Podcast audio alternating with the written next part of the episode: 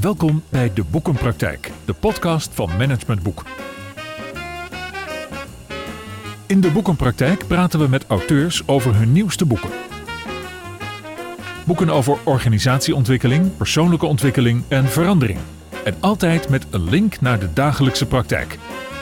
Uw presentator is Willem van Leeuwen. In 2021 heb ik in onze boekenpraktijk veel auteurs mogen interviewen die ook met hun recente boek een terechte plek hebben veroverd in de managementboek top 25 van het jaar. Dus in deze speciale korte aflevering van de Boekenpraktijk wil ik graag even met je terugblikken op een aantal afleveringen uit 2021, waarin we dus auteurs te gast hebben gehad die dus in die lijst staan. Ook een beetje noodgedwongen, want de auteur die we eigenlijk voor deze nieuwe aflevering van de Boekenpraktijk hadden uitgenodigd, moest zich helaas afmelden vanwege corona. Dus gebruiken we deze aflevering maar even om kort terug te kijken naar een aantal bijzondere ontmoetingen in 2021 in deze boekenpraktijk. Zo is op nummer 1 in die lijst, de managementboek top 25 van 2021, het boek Werk heeft het gebouw verlaten van Jitske Kramer. Kramer schreef het tijdens de tweede lockdown in oktober 2020.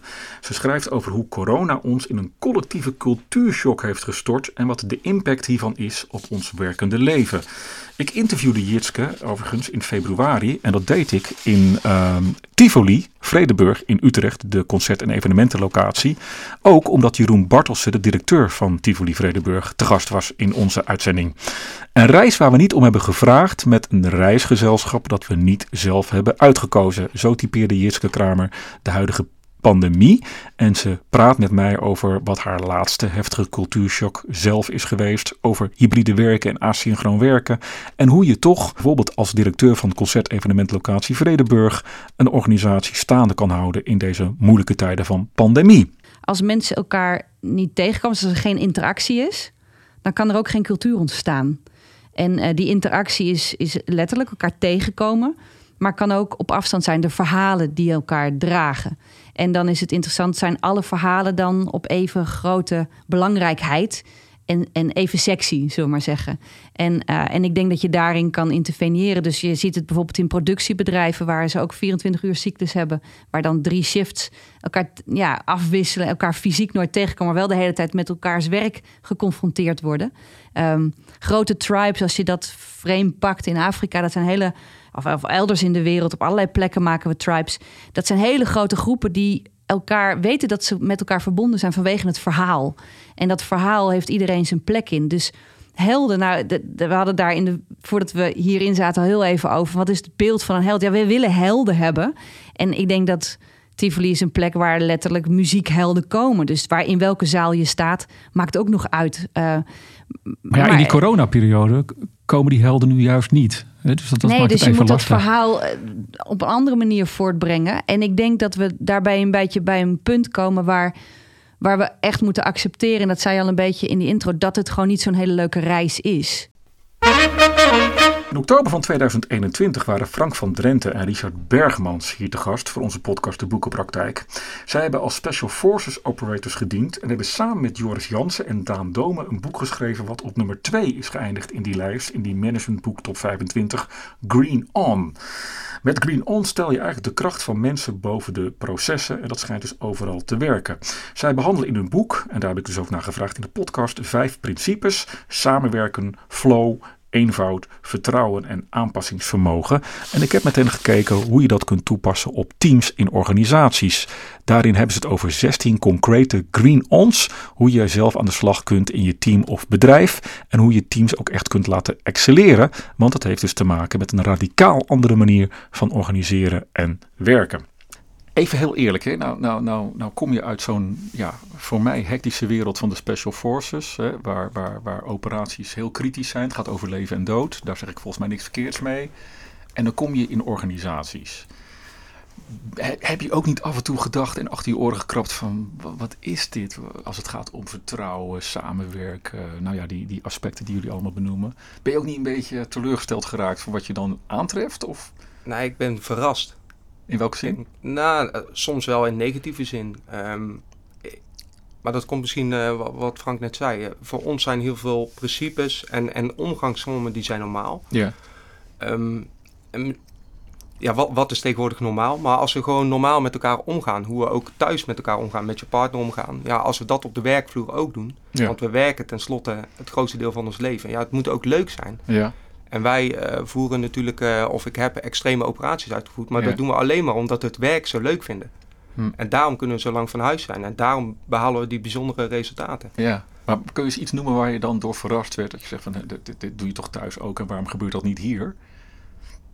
ja, en, en uh, overwerken. Ik, ik, zeg niet dat we per definitie over moeten werken, maar waarom mhm. moeten we per se van 9 tot 5 werken? Oh, Als iemand zelfs zelf wil werken van. Uh, Gewoontedieren, toch? Zijn we allemaal? Ja, ja, dat, dat is wel. Ja. Queen On, nummer 2 in de lijst. En een aflevering ook uit onze podcast. In juni van 2021 ontving ik corporate antropologe Daniel Brown, die met haar inspirerende boek Patronen op nummer 10 is geëindigd in de Managementboek Top 25. Zij stond totaal 80 dagen in de Managementboek Top 10. Patronen zijn de footprints van het leven, een poging om wat te groot is toch te bevatten om te kunnen ordenen. Zo schrijft ze in haar boek. Ze zijn er altijd en overal natuurlijk, die patronen. Ze zijn groots in de wereld aanwezig. Landen en volkeren hebben eigen patronen, ingebed in oeroud geloof, in de volkscultuur. Maar ook organisaties hebben patronen die samenhangen weer met hun ontstaansgeschiedenis of met hun product of dienst. Het is belangrijk dat je die patronen leert herkennen, zodat je daar in organisatieverandering rekening mee kunt houden. En Daniela legt in onze aflevering van de boekenpraktijk uit hoe je die patronen herkent en hoe je ze ook effectief kan ombuigen. Het is moeilijk hè, omdat je erin zit. Het, het is dus je bent onderdeel van het patroon. Dus wat het lastige is, is dat je vaak, als je wel voelt dat er iets veranderd zou kunnen worden, dan zit je zelf in die ettersoep. Dus dan ga je vaak veranderen vanuit diezelfde uh, patronen. Dus ik doe nu een opdracht bij een organisatie. Um, om te kijken hoe je meer eigenaarschap kan krijgen. Mensen meer verantwoordelijk kunnen maken voor wat ze doen. Ook zo'n populair woord, hè? Dat is een ontzettend, ontzettend populair woord. En ik ben steeds maar mijn opdrachtgever kwijt. Die is er niet, die wisselt continu. Uh, ik heb geloof ik nu al vijf opdrachtgevers versleten in een jaar.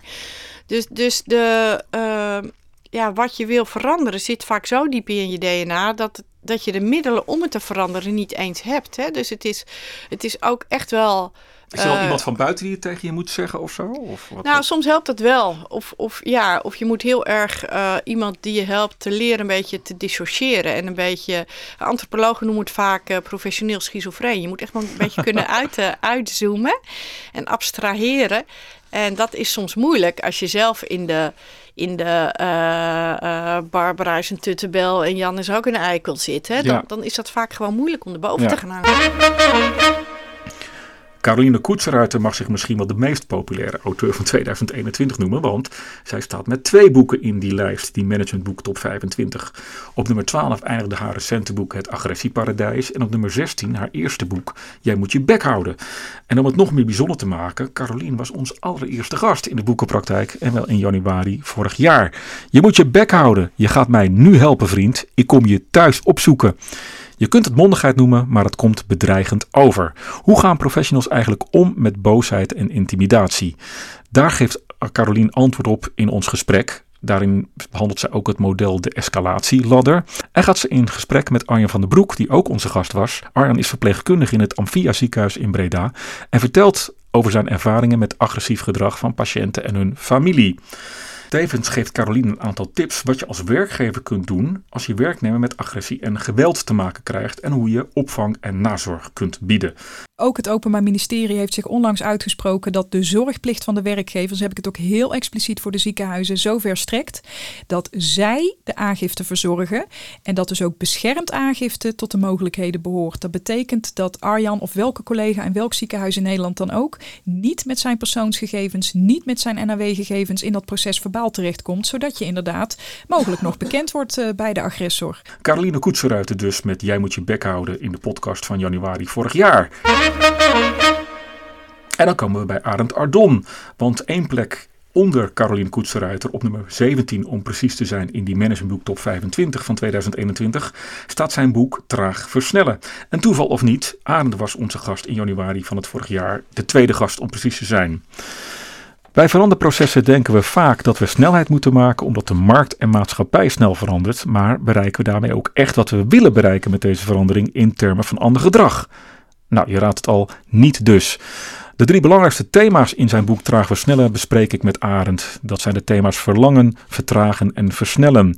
Hoe pas je ze toe in een organisatie en hoe hou je ook rekening met de werking van balancerende krachten? Niet doen, maar eerst denken is eigenlijk het credo van traag versnellen.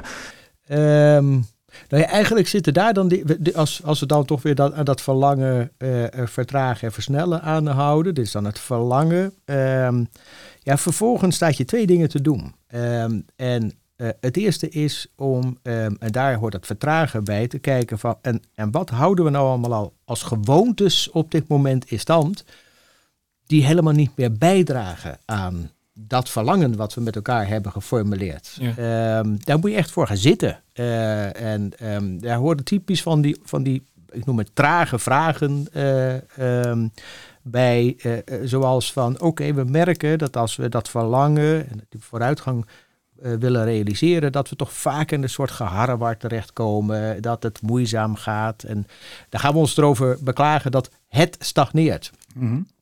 Maar stel je nou voor dat je daar naar zou kijken en zeggen nou ja, stagnatie is niet het.